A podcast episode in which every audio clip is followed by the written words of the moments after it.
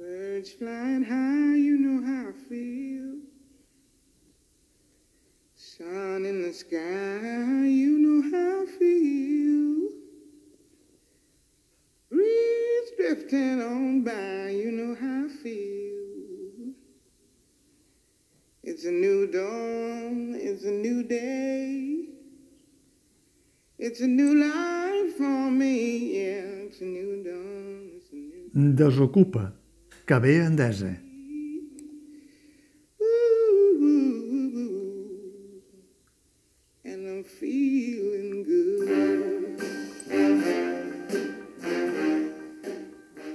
El debut a Barcelona de la companyia hongaresa Proton Theater, amb seu a Budapest, fundada pel director teatral i cineasta Cornel Mondruxo, s'inclou dins de la gira internacional que està fent amb el seu celebrat espectacle Imitation of Life sobre el drama que envolta un desnonament. El plantejament amb el qual arrenca la història de la guionista i dramaturga Kata Weber, muller del mateix director, sembla una metàfora de la realitat del carrer més quotidiana. En les últimes hores prèvies de l'estrena del seu muntatge al Teatre Lliure de Montjuïc, al centre de Barcelona, es vivia un desplegament paramilitar dels Mossos per cobrir la comitiva judicial que desallotjava Casa Àfrica, al carrer Canuda, a tocar de la Rambla. I unes hores després, un col·lectiu ocupava en una acció de protesta l'hotel d'aires colonials, per allò de la companyia de tabacs, les Filipines, el mecenes maleït marquès de Comilles i el seu encara més maleït conseller i administrador del Moines, mossèn Cinto. L'Hotel 1898, a la mateixa Rambla, edifici i propietat de Núñez i Navarro. Mentre tot això passava, a Montjuïc i al barri del Poble Sec, una apagada elèctrica de la tarda de l'estrena havia desconfigurat sense previ avís la digitalització del sobretitulat català de l'obra, representada en hongarès, fins a obligar els tècnics, després que algun espectador clamés en una reacció lingua-hongaresa fòbica que no s'entenia res, a cancel·lar la primera funció de les tres úniques previstes de la companyia. Allò que les host mercenàries de l'empresa de desnonaments desocupa no sempre poden fer com prometen ni voldrien, ho aconsegueix en un plisplàs de creuament de cables elèctrics l'imperi d'Endesa. Dues úniques funcions de cap de setmana, doncs, han servit per conèixer els ets i uts de la companyia Proton Theater en una aposta de circuit internacional que no es pot dir que hagi aconseguit omplir al 100% la sala gran del Teatre de Montjuïc en una constatació del tradicional perfil d'interès baix dels espectadors davant la curiositat del teatre vingut de fora. I no es pot dir que el director i fundador de la companyia sigui aquí un desconegut del tot, perquè la seva doble faceta de cineasta podria interessar també als cinèfils pel seu pas en diferents edicions del Festival de Cants,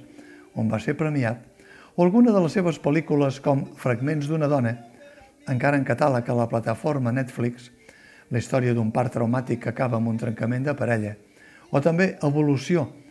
també sobre qüestions familiars, i sempre amb la col·laboració del guionatge de la seva dona, Kata Weaver,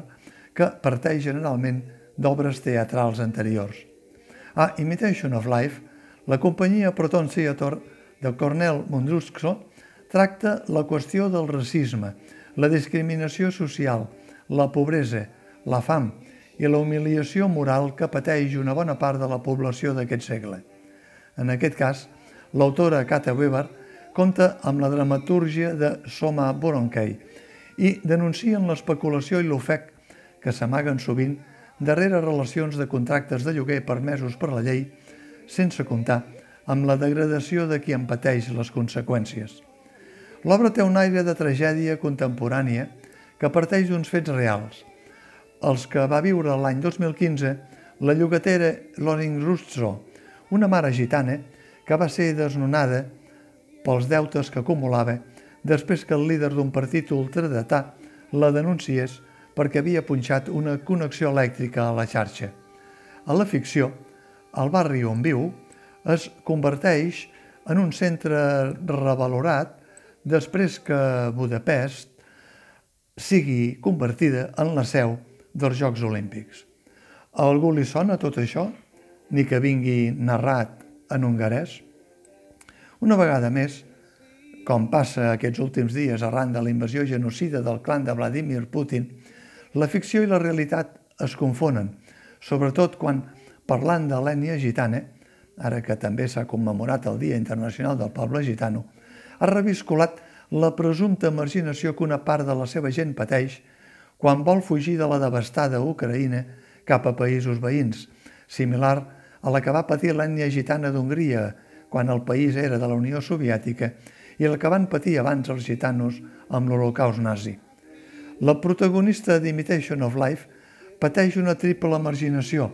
per la seva condició de dona, de gitana i de classe pobra, tan semblant a allò que va popularitzar en el seu dia Maria Mercè Marçal. Kata Weber, l'autora, i Cornel Mondruzco, el director, entren de ple en la figura d'un infant crescut en una família gitana, però que pel color de la pell no ho sembla,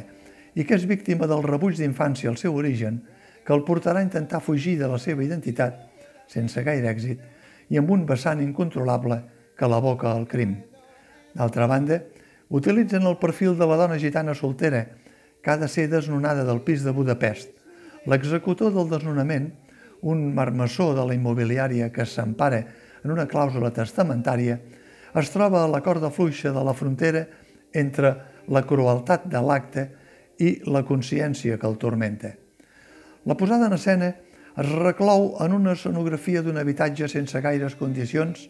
i s'ajuda amb uns primers plans projectats, un recurs, el de la projecció, que el director utilitza com a cineasta, que és no per reproduir només allò que passa a l'escenari, sinó també per afegir un discurs propi. Un muntatge que, a pesar de la seva complexitat de contingut, té una durada estàndard, 90 minuts, una altra influència del cinema, contràriament a la tendència maximalista d'algunes de les últimes obres estrenades, i que ofereix una sorpresa imaginativa i enginyosa a la segona part, quan es produeix el desenllaç del desnonament camí d'un presumpte punt i final de l'obra que no és ben bé el final esperat i que els espectadors viuen amb el cor estret en un puny, perquè ni l'autora Cata Weber ni el director Cornel Mondrusco cauen en la temptació de fer concessions ni a moralitats manicaïstes ni a maquillatges entendridors. Imitation of Life és, com el títol deixa ben clar, una imitació de la vida, ni que aquesta imitació impliqui vivències violentes que ens atrevim a veure quan són com una pel·lícula, però no voldríem viure quan passen de debò.